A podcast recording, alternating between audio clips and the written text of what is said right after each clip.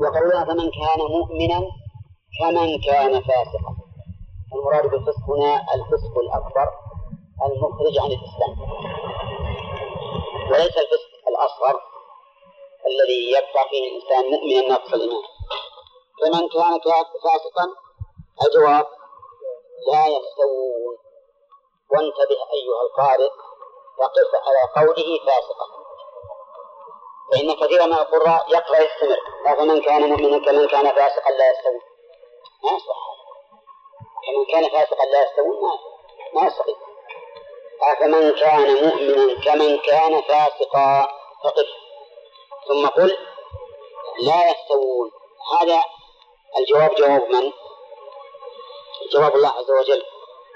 لا يستوون. الله تعالى استفهم وأجاب نفسه. أفمن كان مؤمنا كان فاسقا أجاب لا يستوون أي المؤمنون والفاسقون لماذا؟ الذين آمنوا وعملوا الصالحات فلهم جنات المأوى نزلا هو ما يعد للضيف بما كانوا يعملون. أما الذين آمنوا وعملوا الصالحات فلهم. أما هذه حرف شرط وتفصيل وتفيد مع الشرط والتفصيل تفيد التوكيد. نعم. فأما من أعطى واتقى وصدق بالحسنى فسنيسره وأما من بخل واستغنى وكذب بالحسنى فسنيسره هنا أما الذين آمنوا وعملوا الصالحات فلهم جنات المأوى تكون فيها ثلاث فوائد شرطية بدليل أنها أتى لها جواب. فلهم. تفصيلية لأنها أتت بقسمين. أما الذين آمنوا وأما الذين فسقوا. إيش بعد؟ توكيدية. لأن لا شك أن هذه الصيغة تفيد التوكيد أما الذين آمنوا وعملوا الصالحات فلهم هذا جواب الشرط فلهم جنات المأوى. الجنات جمع جنة وهي في اللغة الحيوان الحديقة الكثيرة الأشجار. وسميت به لأنها تجن من فيها أي تستره. لكنها في الشرع الدار التي أعدها الله تعالى لأوليائه فهي أعظم مما يدور في الخيال أو يخطر على البال وقول جنات المأوى. جنات المأوى. يعني التي هي مأواهم لا يكون عنها حولا ولا يتحيلون ولا يتحولون عنها. فهي مأوى. كما أن الجحيم مأوى الكافرين. لا يتحولون عنها. فالمأوى مكان الإيواء. أي أنها هي جناتهم التي يأوون إليها ولا يخرجون منها نزلا يقول المؤلف هو ما يعد للضيف. وعلى هذا فتكون مصدرا في موضع الحال. يعني أنه معد لهم هذا النزل. نعم. بما كانوا يعملون الباء هنا السببية. وأما الذين فسقوا في الكفر والتكذيب فمأواهم النار والعياذ بالله. مأواهم أي مرجعهم النار يخرجون منها. لا كلما أرادوا أن يخرجوا منها أعيدوا فيها أعوذ بالله. شوف كلما أرادوا أن يخرجوا منها يمنون بالخروج يمنون بالخروج. ترتفع بهم إلى أن يقربوا من أبوابها ثم بعد أن يتمنون الخروج ويريدونه ها؟ يعادون فيها. وهذا أشد والعياذ بالله في التعذيب كل لو أن لو فرضت أنك محبوس في مكان فقيل لك تعال تعال.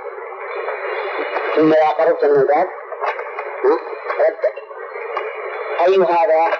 أو أن تبقى في حجرة الحبس. أي أشد؟ أن تبقى حجرة أشد لا أنا أقول مش أيهما أشد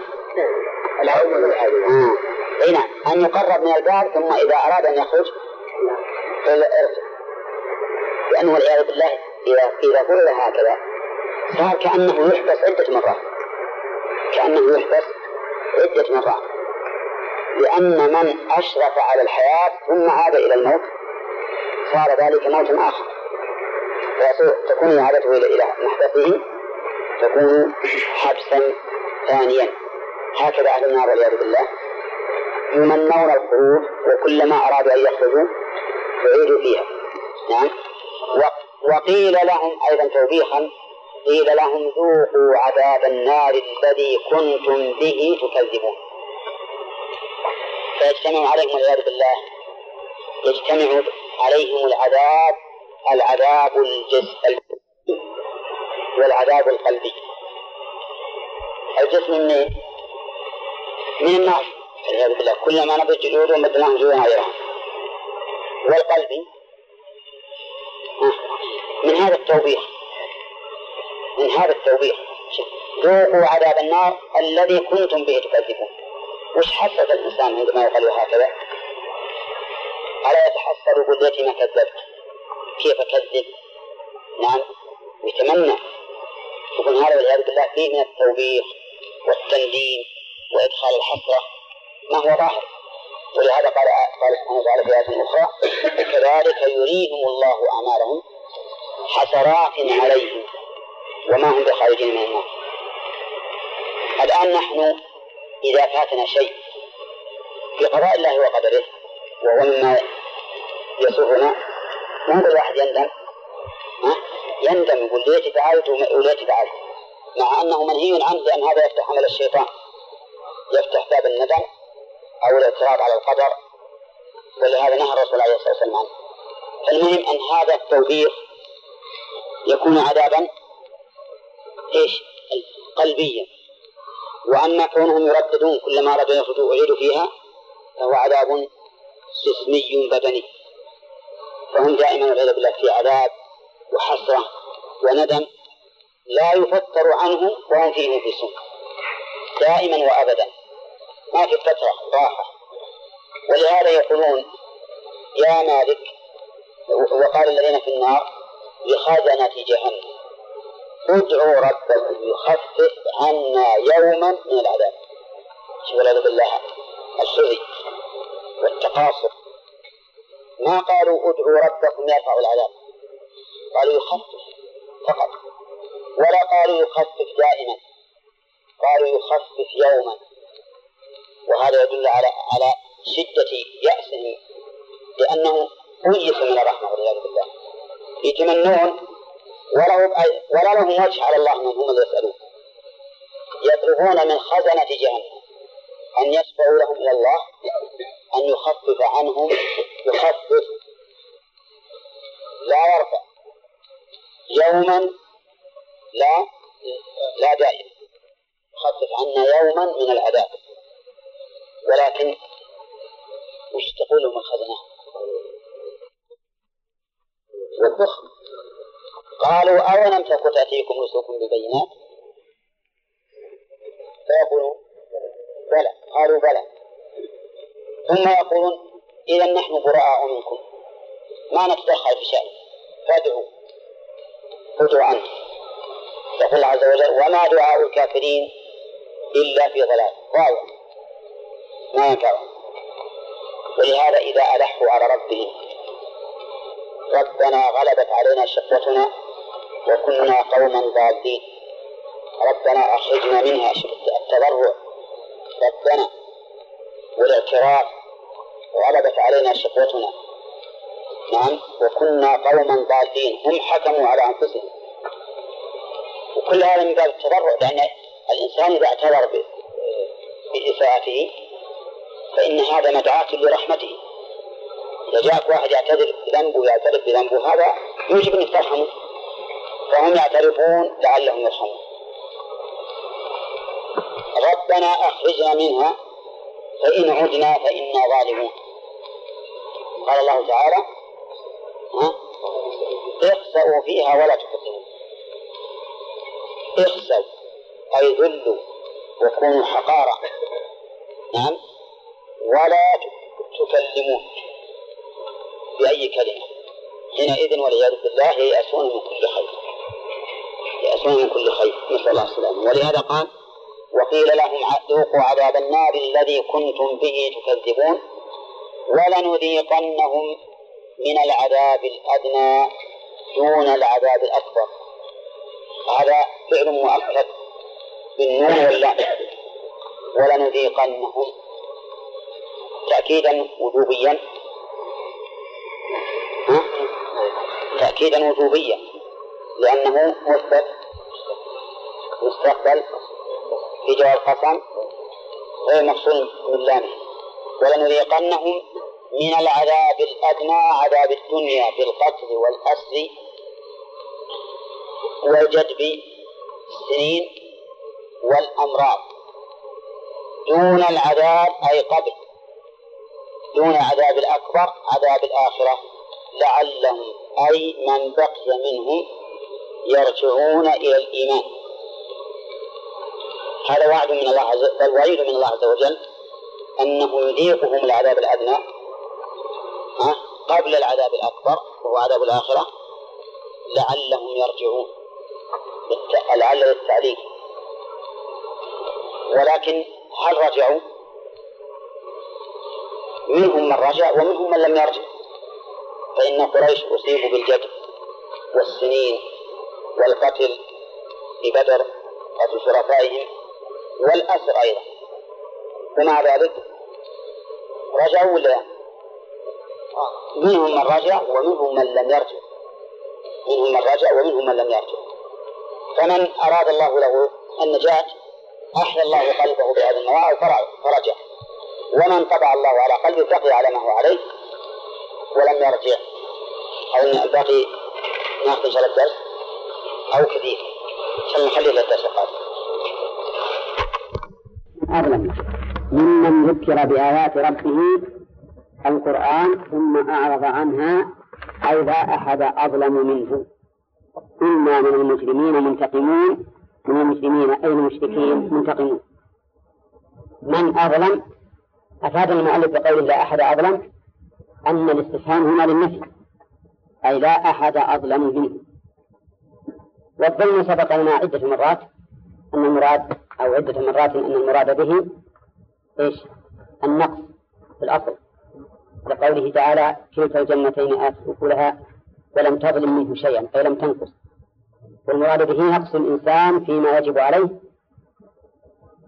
فيدع أو نقصه فيما منع منه ولا يمتثل ويرتكب المحرم.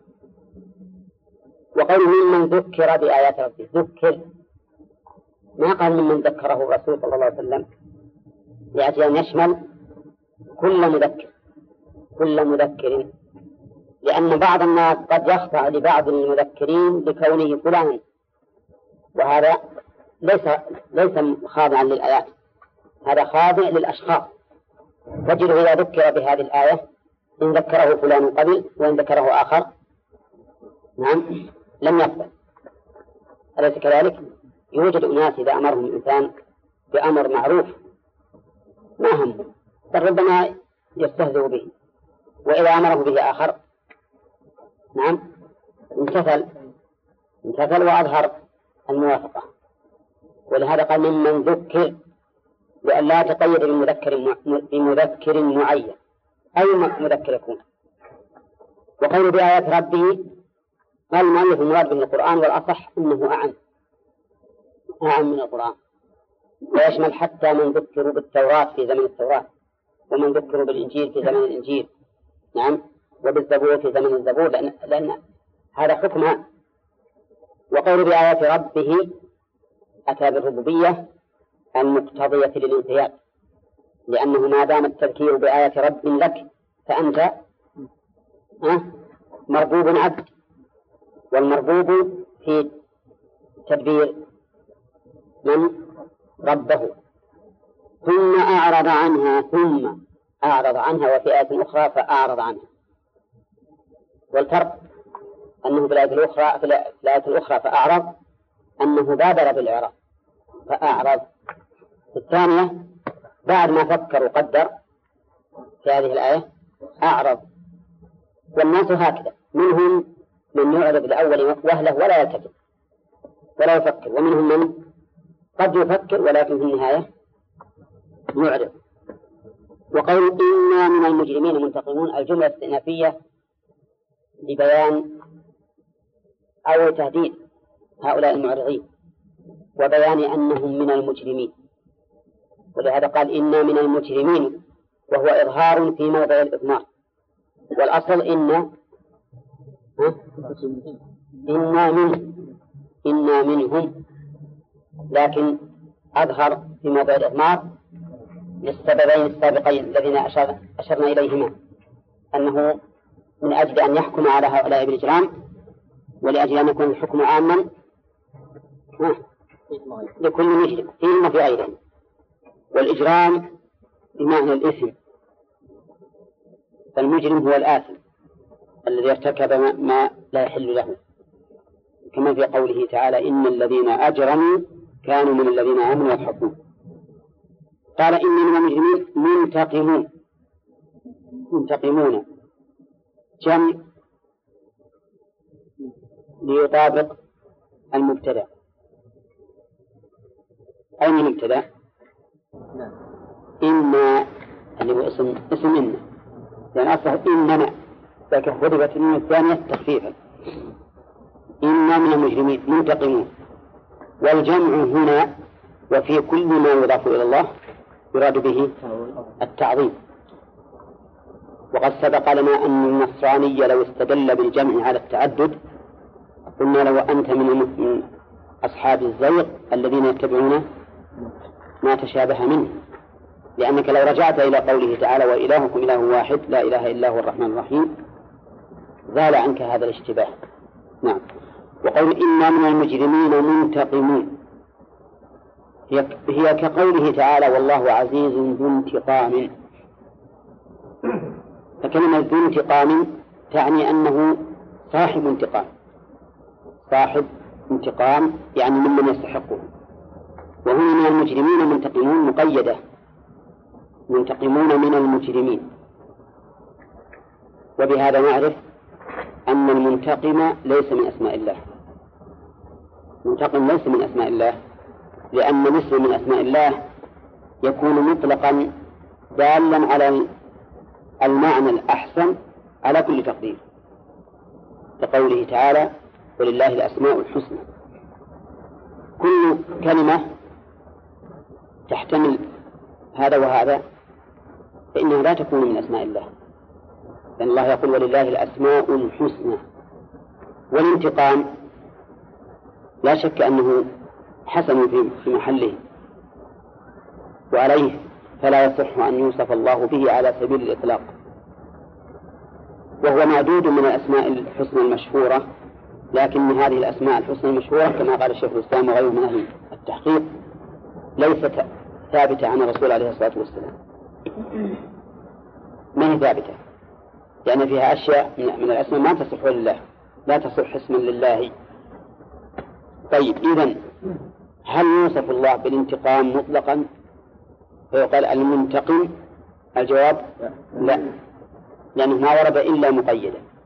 وورد ذو انتقام نكرة في سياق الإثبات فلا تدل على العموم. لأن النكرة في سياق الإثبات كما هو معروف لا تفيد العموم. إنما تفيد العموم إذا كانت في سياق النفي أو النهي أو الشرط أو الاستفهام الإنكاري كما ذكره أهل الأصول. ثم قال تعالى ولقد آتينا موسى الكتاب. آتينا بمعنى أعطينا. وهو إعطاء شرعي قدري. شرعي قدري. وقول موسى الكتاب. موسى مفعول أول والكتاب مفعول ثاني. وأل في قوله الكتاب للعهد. عندكم التكميل. للعهد. ال الكتاب للعهد الذهني لأنه ما سبق له ذكر حتى حتى يحال على المذكور. وليس شيئا حاضرا حتى يقول إنه عهد. اذا فهو عهد ذهني يعني كتاب المعهود المعروف وهو التوراة. فلا تكن في مرية نعم فلا تكن في مرية شك من لقائه. فلا تكن. الخطاب هنا على ما مشاعره المؤلف. الخطاب للرسول عليه الصلاة والسلام. خطاب الرسول صلى الله عليه وسلم. والضمير في لقائه يعود على موسى. والمعنى فلا تكن يا محمد في مرية أي في شك من لقائه لقاء من؟ لقاء موسى. يعني فإنك ستلاقيه. قال المؤلف وقد التقيا ليلة الإسراء. ليلة الإسراء. هذا ما ذهب إليه المؤلف وذهب إليه كثير من المفسرين أيضا أن الخطاب للرسول عليه الصلاة والسلام والضمير يعود على موسى. والمعنى لا تكن يا محمد في شك من ملاقاة موسى فإنك ستلاقيه. وقد لاقاه في ليلة الإسراء. قال المؤلف الإسراء لأن الإسراء والمعراج في ليلة واحدة. طيب هذا ما ذهب إليه المؤلف. ويحتمل أن قوله فلا تكن خطاب لموسى. يعني آتينا موسى الكتاب قائلين له لا تكن في مرية من لقائه أي لقاء الجزاء عليه أي على الكتاب. والمعنى أن أن هذا الكتاب الذي آتيناك إياه لا بد أن يحاسب عليه من نزل إليهم حتى يلاقوا جزاءهم.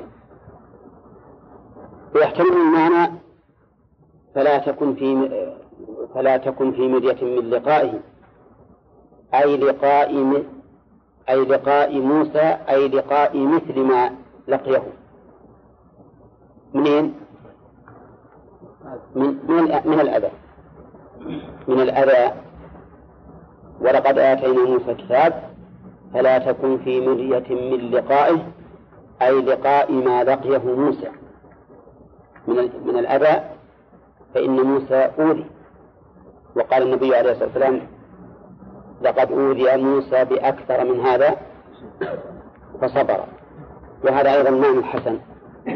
إن المعنى أننا آتيناه وآتيناك أيضا وأوذي فستوذى. فلا تكن في شك من هذا. وهذا هو الواقع. فإن الرسول عليه الصلاة والسلام لقي من الأذى الشيء الكثير. وكل من تبع شريعته وانتهج منهاجه الدعوة إلى الله والعمل في شريعة الله فسيلقى فسيلقى الأذى ولكن الشأن كل الشأن هل يلزم من الأذى الضرر؟ ها؟ ما يلزم؟ ما يلزم من الأذى الضرر؟ ها؟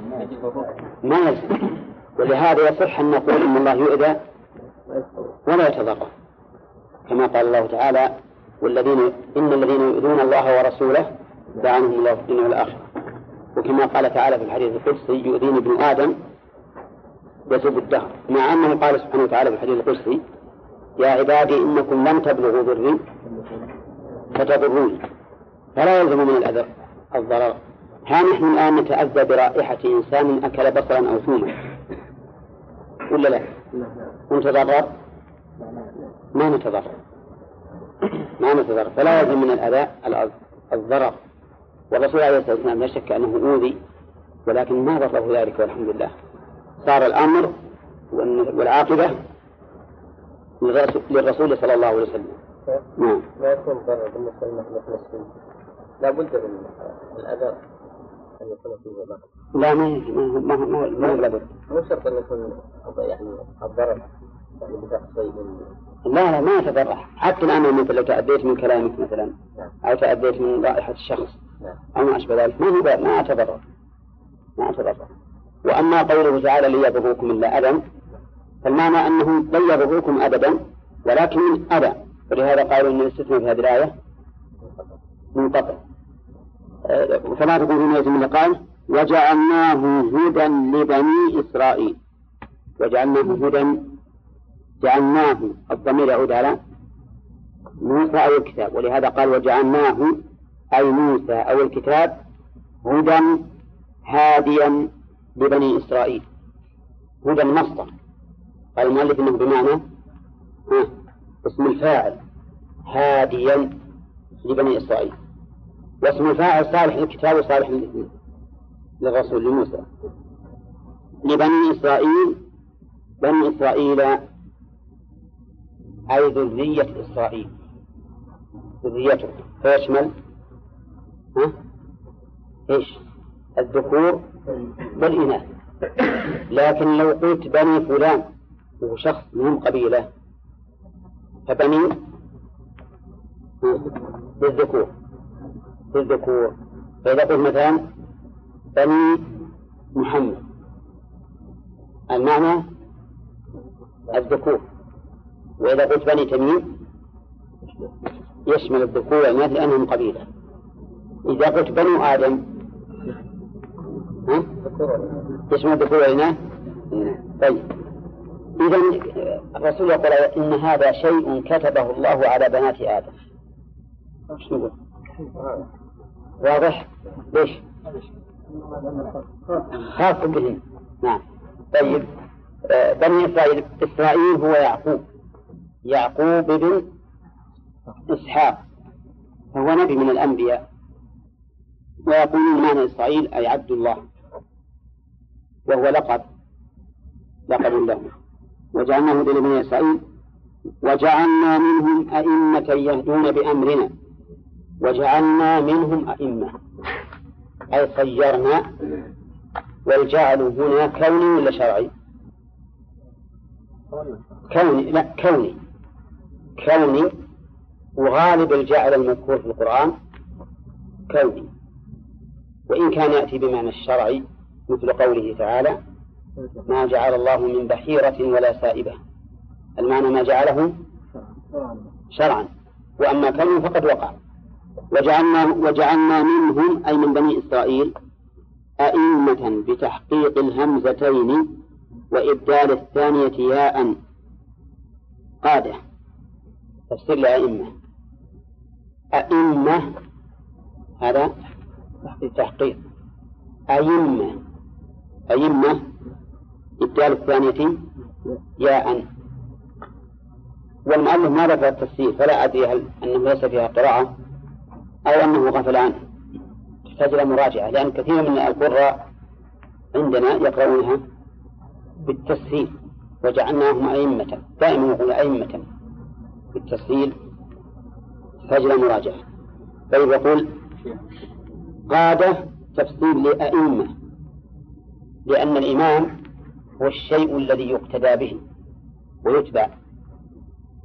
نعم. وش هو؟ ما يكون شرطا لا ما ما مع شرط لماذا الحكم مشروع. هذا شيء مقدر وقوله يهدون بأمرنا يهدون الناس بأمرنا. يهدون أي يدلون الناس. والمراد بالهداية هنا هداية الدلالة. لأن هداية التوفيق لا تكون إلا لله عز وجل. لكن هذه هداية دلالة. وقول بأمرنا يحتمل أن يكون الأمر الشرعي أو الأمر الكوني. فإن كان شرعيا فإن كان المراد بالشرعي المعنى يهدون الناس بهذا بالشرع أي إليه. وإن كان الأمر قدري فالمعنى أنهم يهدون ذلك ويدلونهم بقدرنا وتقديرنا. والحقيقة أن الأمر شامل أن الأمر هنا شامل للمعنيين جميعا. وقوله بما صبروا لما صبروا على دينهم على البلاء من عدوهم على دينهم وعلى البلاء من عدوهم. لما صبروا لما هذه فيها قراءتان. قراءة لما صبروا. وقراءة لما صبروا. أما على قراءة لما صبروا فهي بمعنى إيش؟ بمعنى إيش؟ بمعنى حين. فهي إذا ظرف. لما صبروا. وأما على قراءة لما صبروا فاللام حرف جر وما مصدرية أي لصبرهم لصبرهم. وتكون لام هنا تكون لام للتعليل تكون لام للتعليل. وقول الصبر قال المؤلف على دينهم وعلى البلاء من عدوهم. وهو حق. فيكون الصبر هنا على أحكام الله الكونية بعد والشرعية. الأحكام الكونية والشرعية. الأحكام الكونية على دين والشرعية والشرعية على دينهم والكونية على قوله وعلى البلاء من عدوهم وكانوا بآياتنا الدالة على قدرتنا ووحدانيتنا يوقنون. وكانوا بآياتنا يوقنون. الواو حق عطف كانوا معطوفة على صبر. يعني لهذين الأمرين. الصبر مش بعد واليقين. صبر واليقين. واليقين هو أعلى درجات الإيمان. لأن اليقين معناه أنه يقين لا تزعزع معه ولا شك فيه. وقد قيل بالصبر واليقين تنال الإمامة في الدين. بالصبر واليقين تنال الإمامة في الدين. نأخذ من هذه الآية. لما صبروا وكانوا بآياتنا يوقنون. وقول بآياتنا الدالة على قدرتنا ووحدانيتنا. يشمل الآيات الشرعية والكونية نعم. وفي قراءة بكسر اللام وتخفيف الميم. وهي لما صبروا. إن ربك هو يفصل بينهم يوم القيامة فيما كانوا فيه يختلفون من أمر الدين. إن ربك هو يفصل الفصل بمعنى القضاء أن يقضي ويحكم حتى يميز الحق لهؤلاء وهؤلاء. والحكم كما قال الفقهاء هو فصل الخصومات لأنه به يتميز هذا من هذا. يفصل بينهم يوم القيامة فيما كانوا يختلفون في حكمه الجزائي أو الشرعي؟ الجزائي لأن حكم الشرع فاصل في الدنيا. هؤلاء على حق وهؤلاء على ضلال. لكن مراد الحكم الجزائي الذي الذي هو غاية هو غاية الشرع. الذي هو غاية الشرع. فيوم القيامة يفصل بينهم هؤلاء إلى النار وهؤلاء إلى الجنة. وقول فيما كانوا فيه يختلفون. متى كانوا يختلفون؟ في الدنيا. يختلفون. فالمؤمنون يقولون إن هذا هو الحق وأولئك يقولون ليس هذا هو الحق. لكن يوم القيامة يفصل بينهم. فيما كانوا فيه يختلفون ويتبين من هو الذي على الحق. أولم يهد لهم؟ كم أهلكنا من قبلهم.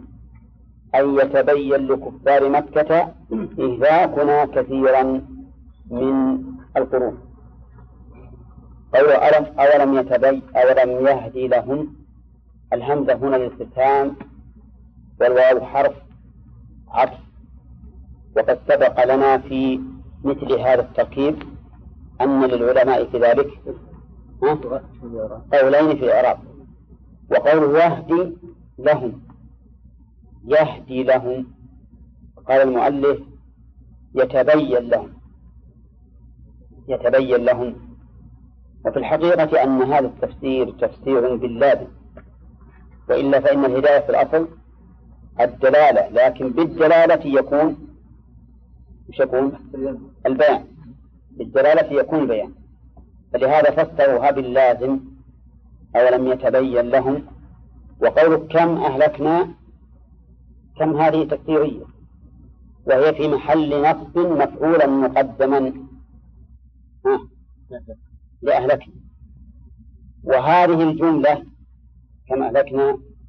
تؤول بمصدر من غير حرف مصدري. تؤول بمصدر من غير حرف مصدري. يعني أولم يتبين لهم إهلاكنا؟ إهلاكنا نعم. وقد سبق لنا أن جمل قد تؤول بمصدر من من غير حرف مصدري و و و وله ولها مثال. هل تذكرونه؟ تستغفر المعيد خير من الفهم وغير. من القرآن. استغفرت لهم أم لم تستغفر لهم سواء عليهم أأنذرتهم لم تنذرهم يعني سواء عليهم إنذارك وعدمه سواء عليهم استغفرت لهم استغفارك وعدمه. هذه من هذا الباب. مما يؤول بمصدر بدون حرف مصدري. طيب أولم يتبين أولم يهد لهم كم أهلكنا من قبلهم. وقوله يتبين لكفار مكة. المؤلف دائما يخص مثل هذه العبارات لأهل مكة. وكأنه رحمه الله يرى أن أن كون الآية مكية تعين إيش؟ تعين المراد. ولكن الأولى أن يقال العبرة بعموم اللفظ. لا بخصوص المكان. لا بخصوص المكان. كما أن العبرة بعموم اللفظ لا بخصوص السبب. فإذا كان ما هناك سبب يقتضي تخصيص المكان به فإن العبرة بالعموم. كما ذكرنا من قبلهم من القرون الأمم بكفرهم أي بسببه سبب الكفر. والقرون جمع قرن وما المراد بالقرن؟ القرن الأمة من الناس كما في الحديث الصحيح خير الناس قرني ثم الذين يلون يمشون حال من ضمير لهم. ها؟ وين لهم؟ أولم يهدي لهم؟ نعم. حال من ضمير لهم. أح... وإن كان يحتمل تكون حال من ضمير قبلهم لكن لهم أحسن لأن هي مبتدأ الكلام.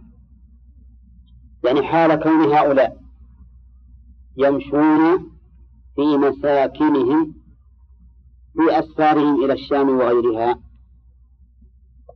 يعني أن هؤلاء الذين بقوا إلى وقت نزول القرآن. قد تبين لهم إهلاك الأمم السابقة. وهؤلاء الذين بقوا إلى وقت نزول القرآن يمشون في مساكن أولئك المعذبين. وقوله في طريقهم إلى الشام بناء على المراد كفار مكة. مثل مثل إيش؟ مثل نعم. مثل ديار ثمود. ومثل ديار قوم لوط. كما قال تعالى في سورة الحجر وإنهما لبإمام مبين. وكانوا يمشون في مساكنهم. هذا أبلغ أبلغ في النظر. وفي التبين. لأنهم يرون ذلك عين عين اليقين؟ وعين اليقين؟ أشد من من علم اليقين. أولى ولهذا قال إبراهيم عليه الصلاة والسلام رب أرني كيف تحيي الموتى؟ قال أولم تؤمن؟ قال بلى. ولكن ليطمئن قلبي. فإحياء الموتى عند إبراهيم قبل أن يشاهده بعينه من باب علم اليقين. فإذا شاهده صار من باب عين اليقين. وقد ذكر العلماء أن لليقين ثلاث درجات علما وعينا وحقا. وكل ذلك منقول في القرآن. كلا لو تعلمون علم اليقين. ثم لترونها ها؟ عين اليقين. عين اليقين. هذه هذه علم عين في في سورة واحدة إن هذا لهو حق اليقين. هذا حق اليقين. أفهمتم؟ هذه مراتب اليقين الثلاث. والفرق بينها أننا نحن نعلم علم اليقين أن في الجنة نخلا ورمانا وفاكهة. أليس كذلك؟ فإذا رأيناها بأعيننا ونسأل الله أن يجعلنا وإياكم نراها إذا رأيناها بأعيننا صار ذلك عين اليقين. فإذا أكلناها صار حق اليقين. ولا لا؟ لو قال قائل لماذا لا يكون عين عين اليقين حق اليقين؟ نقول الآن فيه عناقيد من البلاستيك عناقيد عنب. الذي يراها؟ عين اليقين يحسبها ها؟ يحسبها عنبا يمكن لو تعطيها بذر صغير ياخذه ياكله ولا لا؟ نعم نعم يحسبه الظمأ ماء طيب هذه رأيناها عين اليقين لكن عندما نأكل هذا البلاستيك وش يتبين؟ لكن وش يتبين حقيقة ولا لا؟ ليست حقيقة فتبين حق اليقين أعلى من عين اليقين. حق اليقين أعلى من عين اليقين. لكن ما لا يدرك إلا بالرؤية تكون رؤيته حق اليقين. نعم. طيب يقول عز وجل إن في نعم أنا كل هذا تقديرا على قول يمشون في مساكنهم. لأن كونهم يمشون في مساكنهم معناه أنهم يدركون ذلك عين اليقين. شاهدون بعينهم وهو أبلغ من الخبر. نعم. يمشون في مساكنهم إن في ذلك لآيات إن في ذلك لآيات دلالات على قدرتنا نعم. إن في ذلك لآيات دلالات على قدرتنا. ولو قال المؤلف وعلى انتقامنا من المسلمين لكان أولى وأنسب.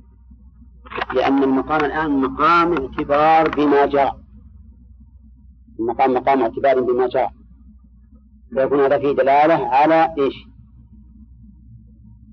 على الانتقام من المكذبين. فيكون أدعى للاعتبار. نعم.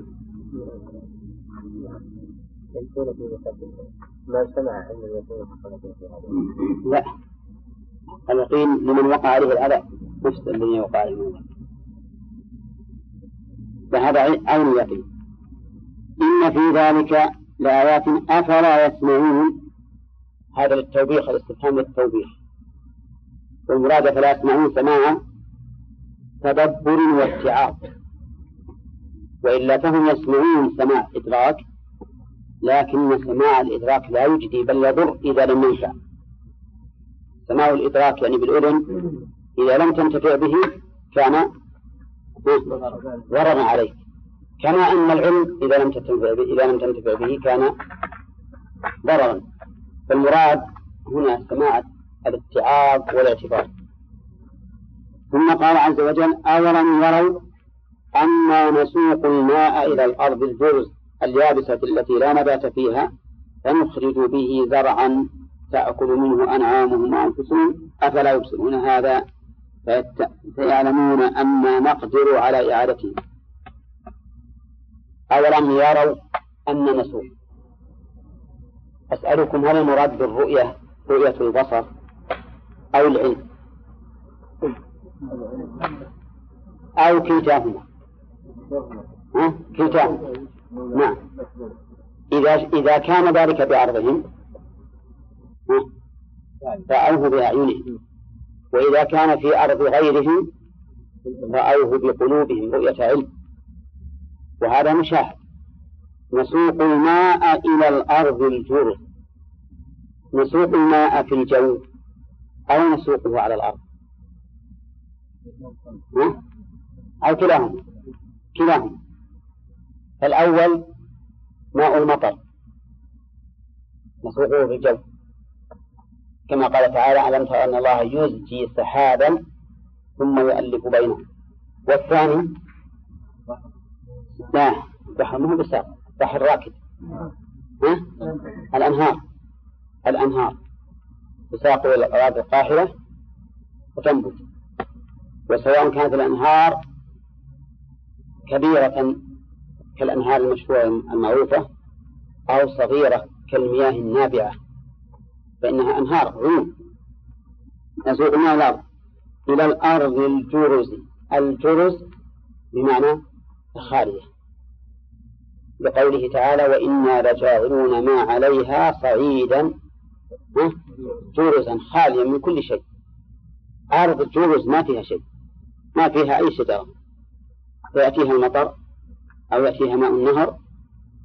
نعم.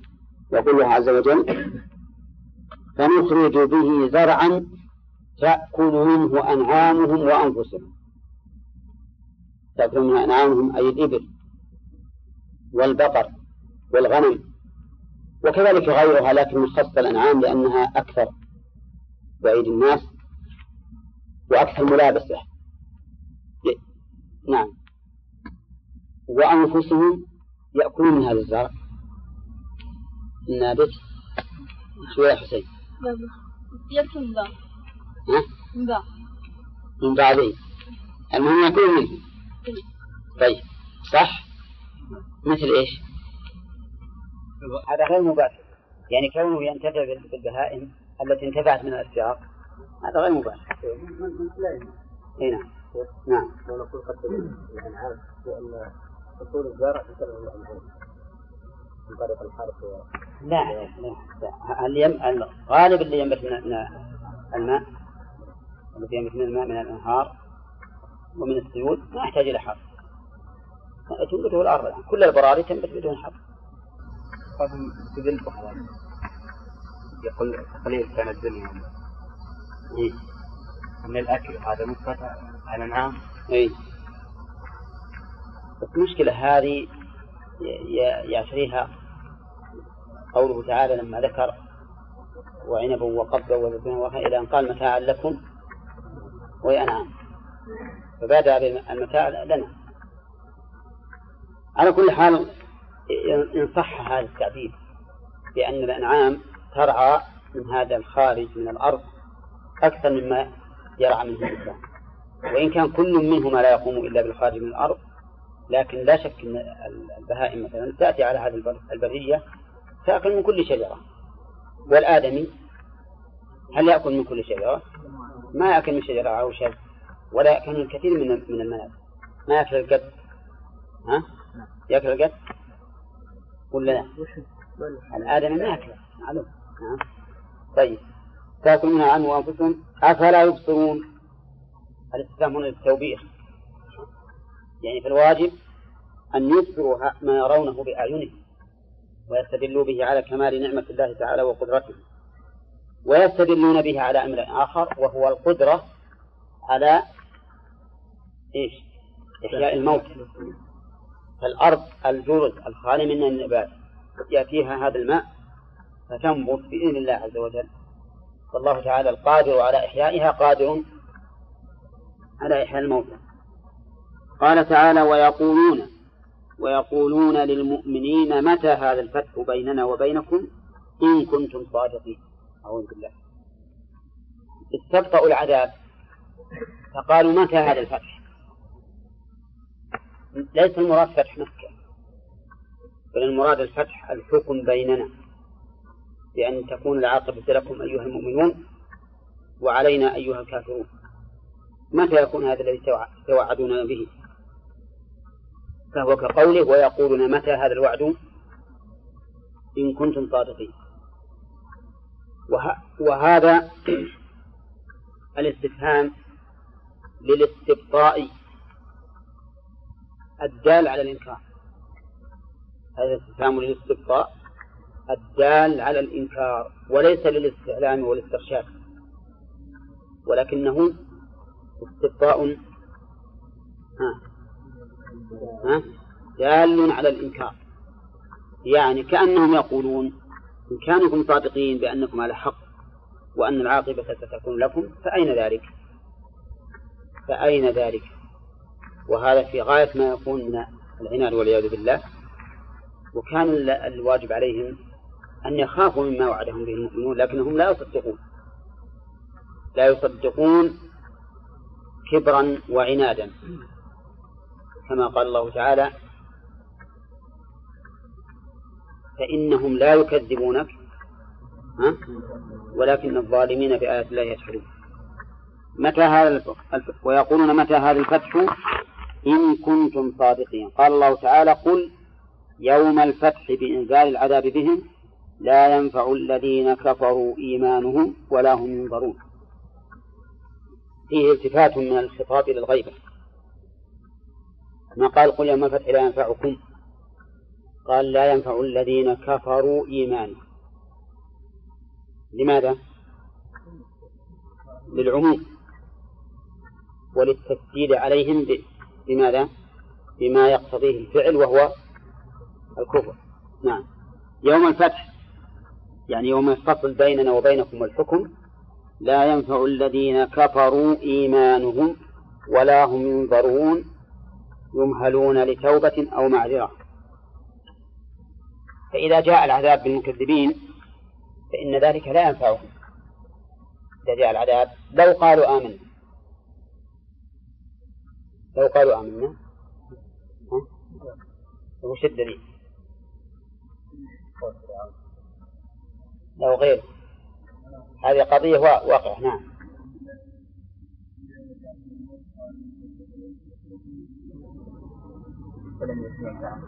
فلما رأوا بأس فلما رأوا بأسنا قالوا آمنا بالله وحده وكفرنا بما كنا به مشركين. فلم يكن ينفعهم إيمانهم لما رأوا بأسنا. إلى الآن نحن في قضية معينة ما في عموم. لكن قال سنة الله التي قد خلت في عباده. نعم قد مضت.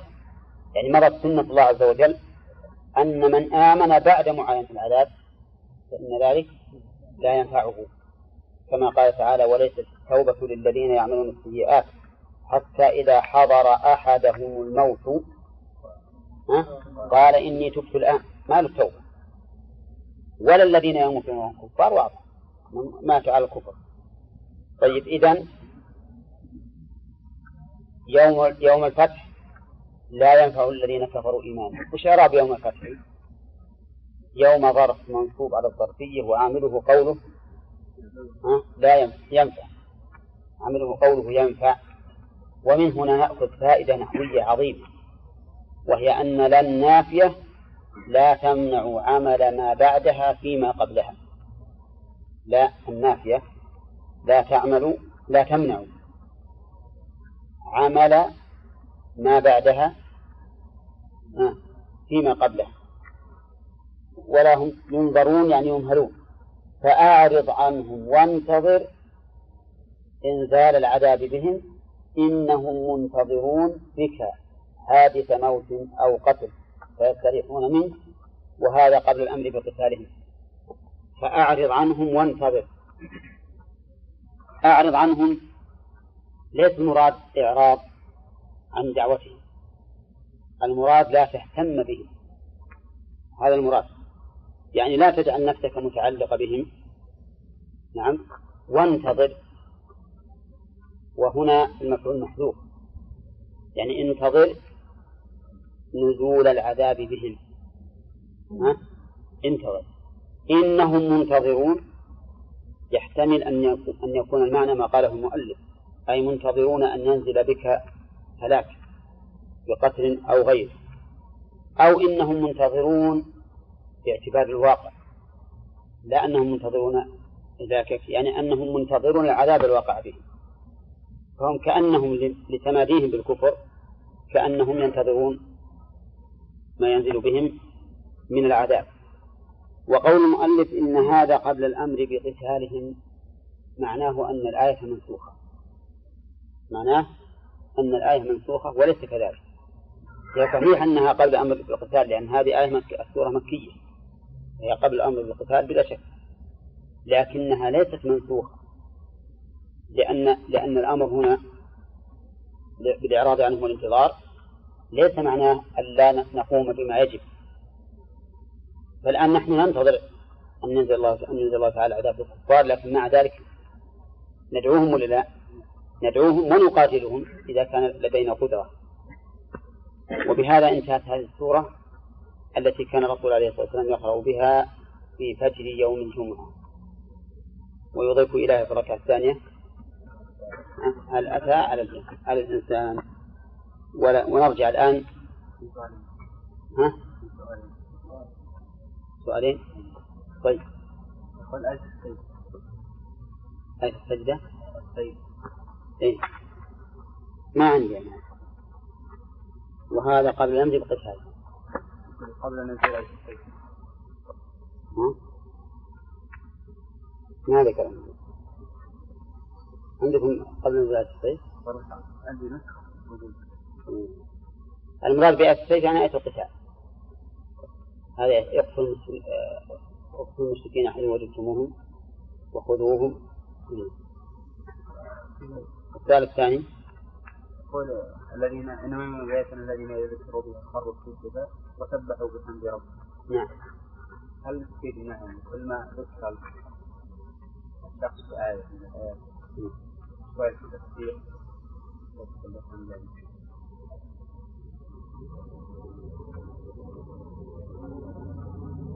ما ذكرنا إحنا في التفسير إنه لا يلزم من كون هذا جوابا للشرط أن يقع حين وقوع الشرط. ما تقدم من هذا؟ قول. لا لا. قدموا قلنا لكم ألم ترى أن الله أنزل من السماء ماء فتصبح مضطرة وقلنا تزوج زيد فولد له وأن التعقيب بحسبه تعقيب كل شيء بحسبه وأنه لا يلزم من قوله إذا ذكر إذا ذكروا بها خروا أنهم يخرون من حين التذكير نعم وهذه نسينا نقولها في المناقشة. فهذه المعنى إذا ذكروا بآيات ربهم خروا سجدا يعني معناه يسجدون لله ويسبحونه في حال في حال السجود. ولهذا مما يشرع في السجود أن تقول سبحانك اللهم ربنا وبحمدك. نعم.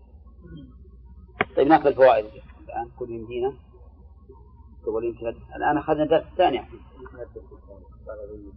ها؟ كيف؟ لا باقي دقيقتين باقي عندي خمسة عشر دقيقة. لا أنت وزيادة. وثلاث وثلاثين وثلاثين ثانية. إحنا قدمنا ها؟ أقول جيت متأخر. إيه أنا بدأت من جيل هذا عادتنا نبدأ من جيل إيه، لا نبدأ من جيل ما يمكن يتأخر على حسابه طيب إذا نأخذ الفوائد إن شاء الله. ويمدينا وش وقفنا عليه في الفوائد؟ ها؟ نعم. قال الله تعالى فذوقوا بما نسيتم لقاء يومكم هذا إلى آخره. يستفاد من هذا من هذه الآية الكريمة أن أهل النار يوبخون بتركهم العمل للنجاة منها. كقوله فذوقوا بما نسيتم لقاء يومكم هذا. ويتفرع على هذه الفائدة زيادة التعذيب. التعذيب الجسدي أو القلبي. ها؟ القلب. لأن الإنسان إذا وبخ على عمل عمله هو يزداد حسرة وندما. ومن فوائد الآية الكريمة إطلاق النسيان على الترك. لقوله نسيتم إنا نسيناكم. إنا نسيناكم. ومن فوائدها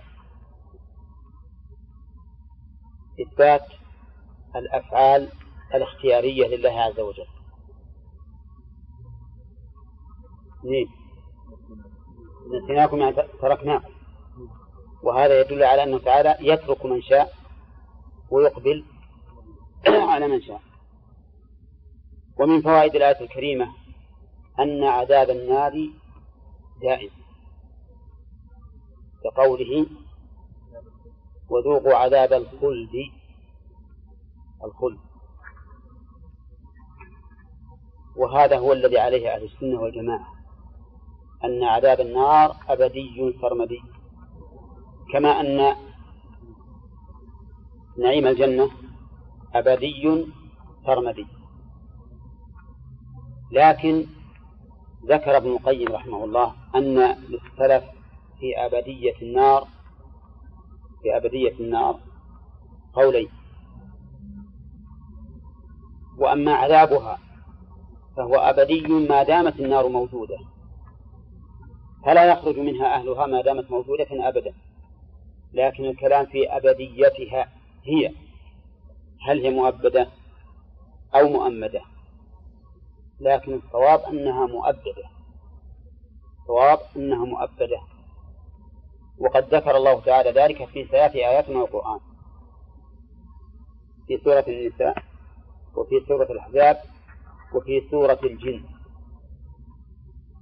في سورة النساء أعطنا الآية قبل الشيء. إن الذين كفروا بآياتنا إن الذين كفروا وظلموا. إن الذين كفروا وظلموا لم يكن الله ليغفر لهم ولا ليهديهم. طريقة جهنم إلا طريق جهنم خالدين فيها أبدا.